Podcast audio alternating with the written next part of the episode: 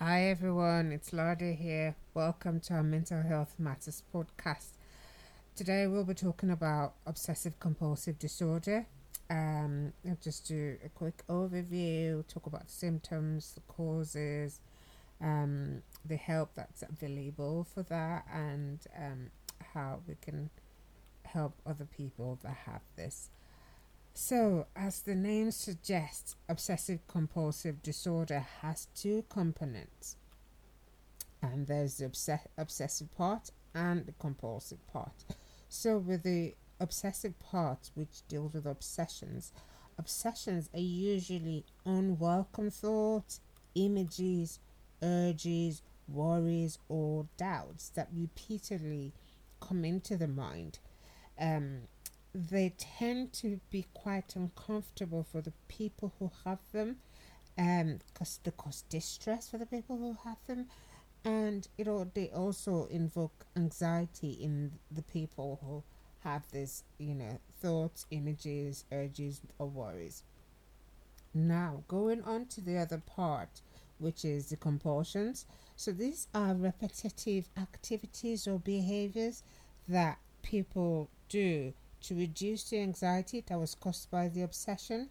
And um, the uh, examples will be, you know, counting um, to a certain number or moving uh, to, uh, to a certain way or, you know, maybe going down a flight of stairs just to counteract, you know, the obsessive uh, obsessions that had occurred or to reduce the anxiety uh, that was invoked by um, by the obsessions, and so they usually go hand in hand.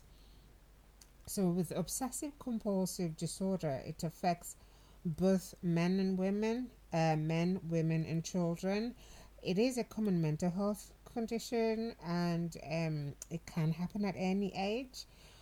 Um, some people can develop it quite early, um, but also around puberty or also around early adulthood, it can be quite distressing for the people who have these thoughts and also interfere with their daily lives. Um, you can imagine somebody who's struggling with these obsessions, the thoughts or the images, and having to do these compulsions to try to counteract the obsessions or try to reduce the anxiety or try to negate um, the, the, the, the, the obsessions that have occurred. Also, it is important to note that the obsessions are usually quite unpleasant to the people who have them. They are usually unwanted, and um, they they they they are the person's specific, you know, thoughts or um, images. They, they, they, they, it's different from people who think that these thoughts or images are put into their minds by other people. These people who have these obsessions are of are from themselves and not from other people. So to to to go on and um to generally it's it's it's quite difficult for the people who have you know these obsessions and compulsions because of course causes huge disruption to their daily lives because they they'll have to some people have to do the um, compulsions which would take a large percentage of their time. Imagine somebody having to do compulsions for every few minutes they have thoughts we have so we have a myriad of thoughts a day a, a day we have a myriad of images flashing through our minds Imagine somebody having to do carry out compulsions to negate or to reduce anxiety invoked by that. So they, they, it causes huge disruption to the lives of the people that have them. It impacts impacts on their relationships as well. It um um worsens anxiety for those who already have anxiety and then there's also the, the stigma that it, it is associated with it so now to talk about um obsessive compulsive disorder, which um, can be a misnomer. Um, so we, we tend to have this thing where, you know, people can make examples and say, oh, um, you know, is is he he a person maybe or female is obsessed with something, or you know, where where they can make a joke of, um, you know, someone being quite obsessed, uh, or she's she's quite obsessed with um, fashion, or she's quite obsessed with perfumes. These, these are completely different um, from obsessions that we see in obsessive compulsive disorder. So, to go on then to what causes obsessive compulsive disorder.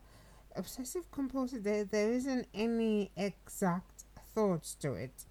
There, there, there isn't any exact cause to it.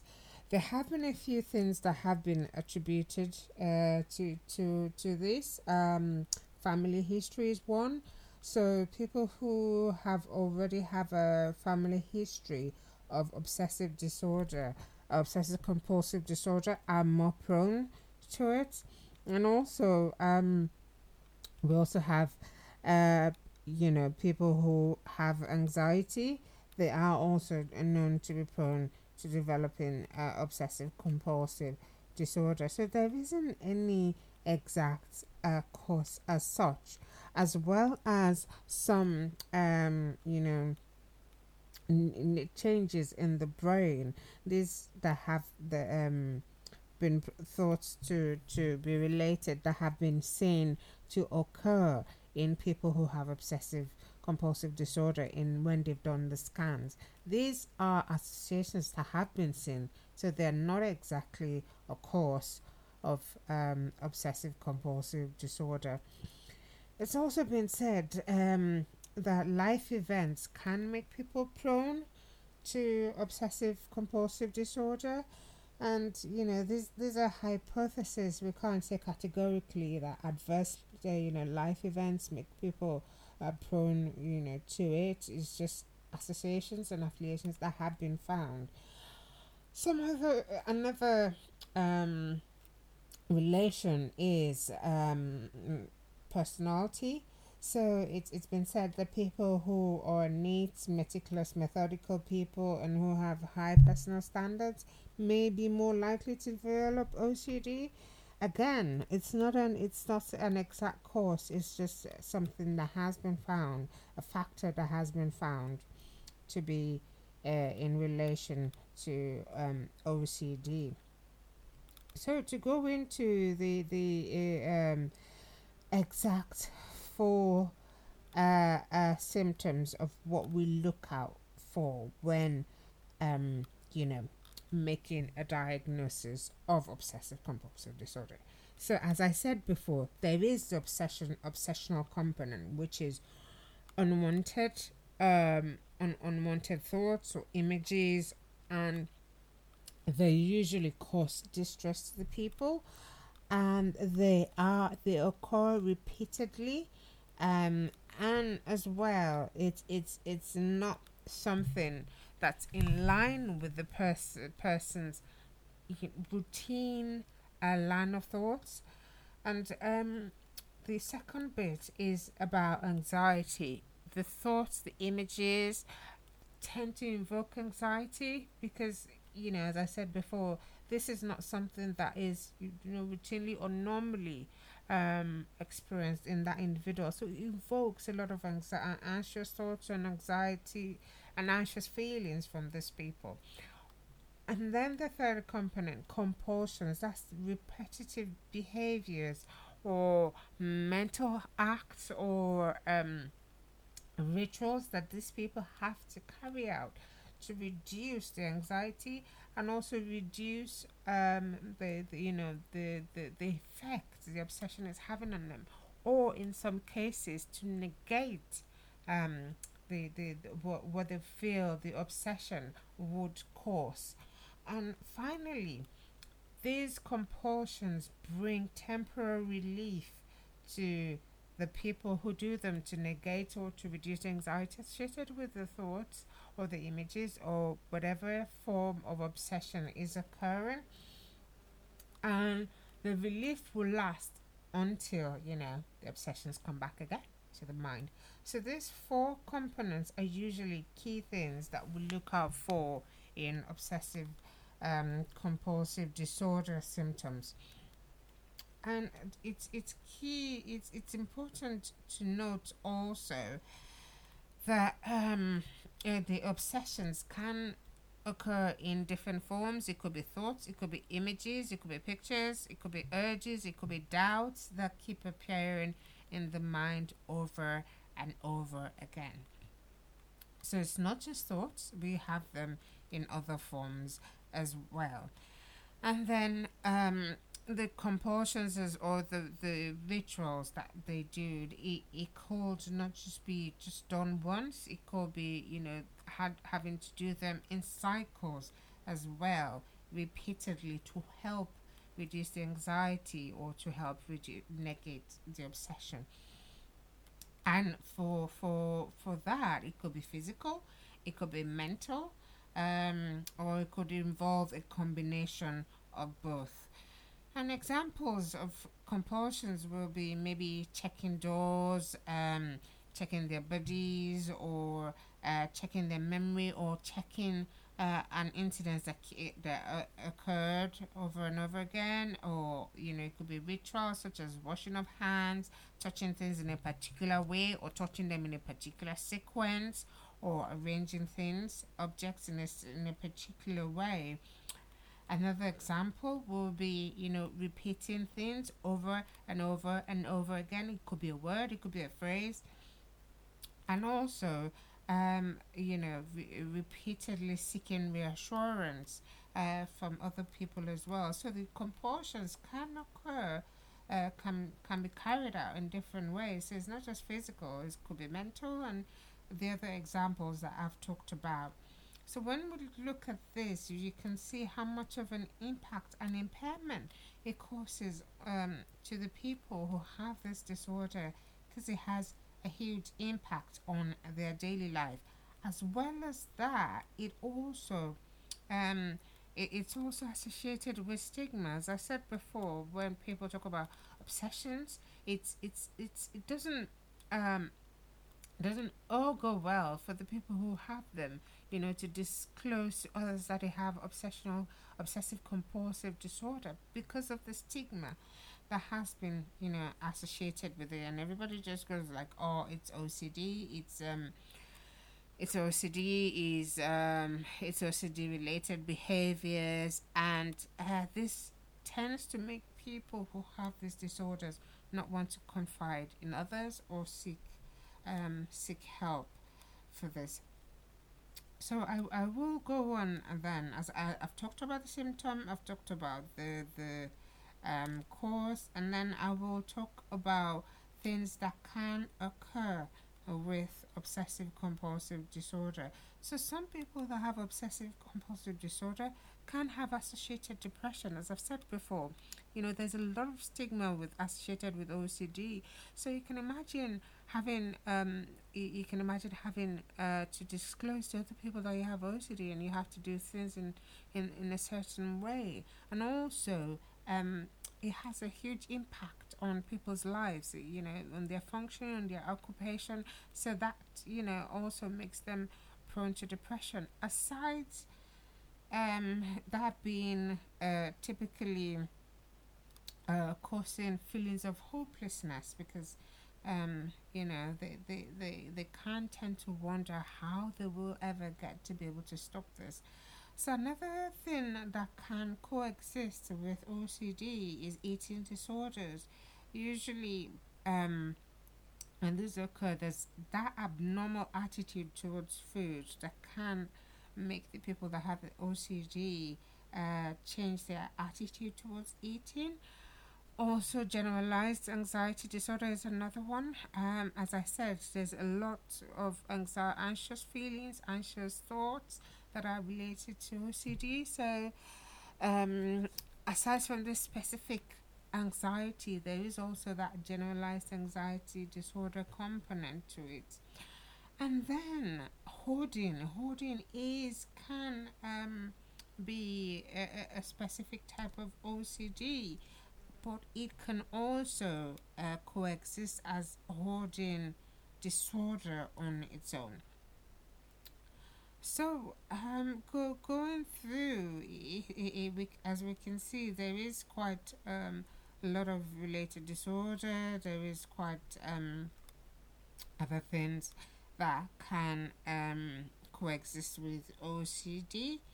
And going on uh, then to talk about um, what uh, people's experiences are with OCD. A lot of people who have OCD have difficulty, um, you know, confiding in other people because of the stigma. And then they, they, they also have difficulty finding help, not just because of the stigma, but also because there's there's um, OCD is not one of the uh, you know f- many common mental health disorders that can be readily treated by non mental health professionals because like we can have depression or anxiety that you know readily treated by the GP most GPs most family practitioners wherever it is you are in the world would feel a bit uncomfortable, you know, treating OCD. So they would, you know, require specialist input. So this, you know, can also be off-putting for people. So generally, what is the treatment for OCD? The treatment for OCD is revolved revolves around three main uh, areas, which will be as usual. There's uh, the, the, there's the biological components, there's the psychological component, and then there's the social component. So, to start off with the biological component, these have to do with medications.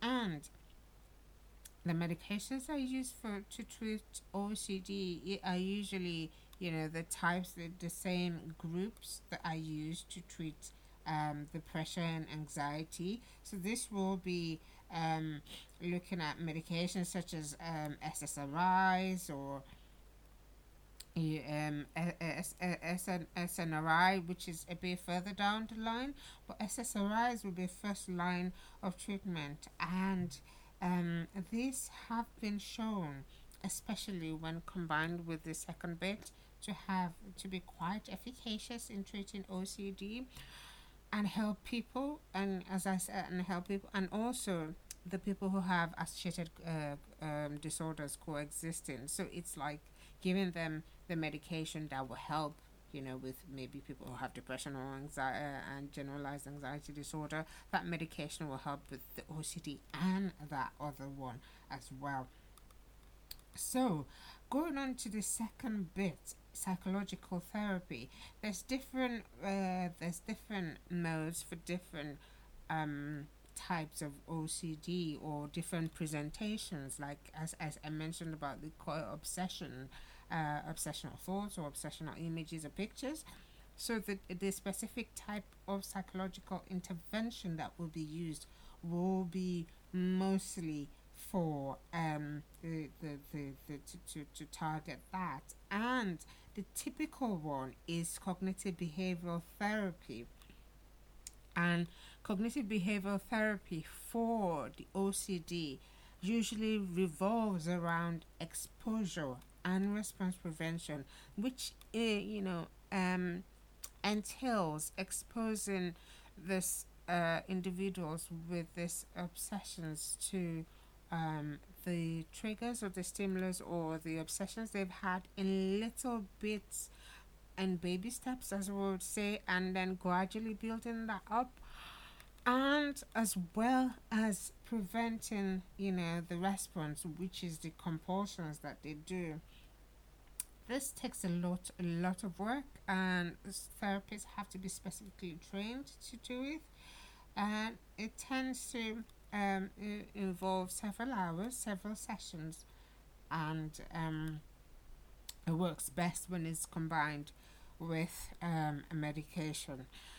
So going on to this, uh, the, the the social component, uh, we talk about putting things in place for people, such as peer support.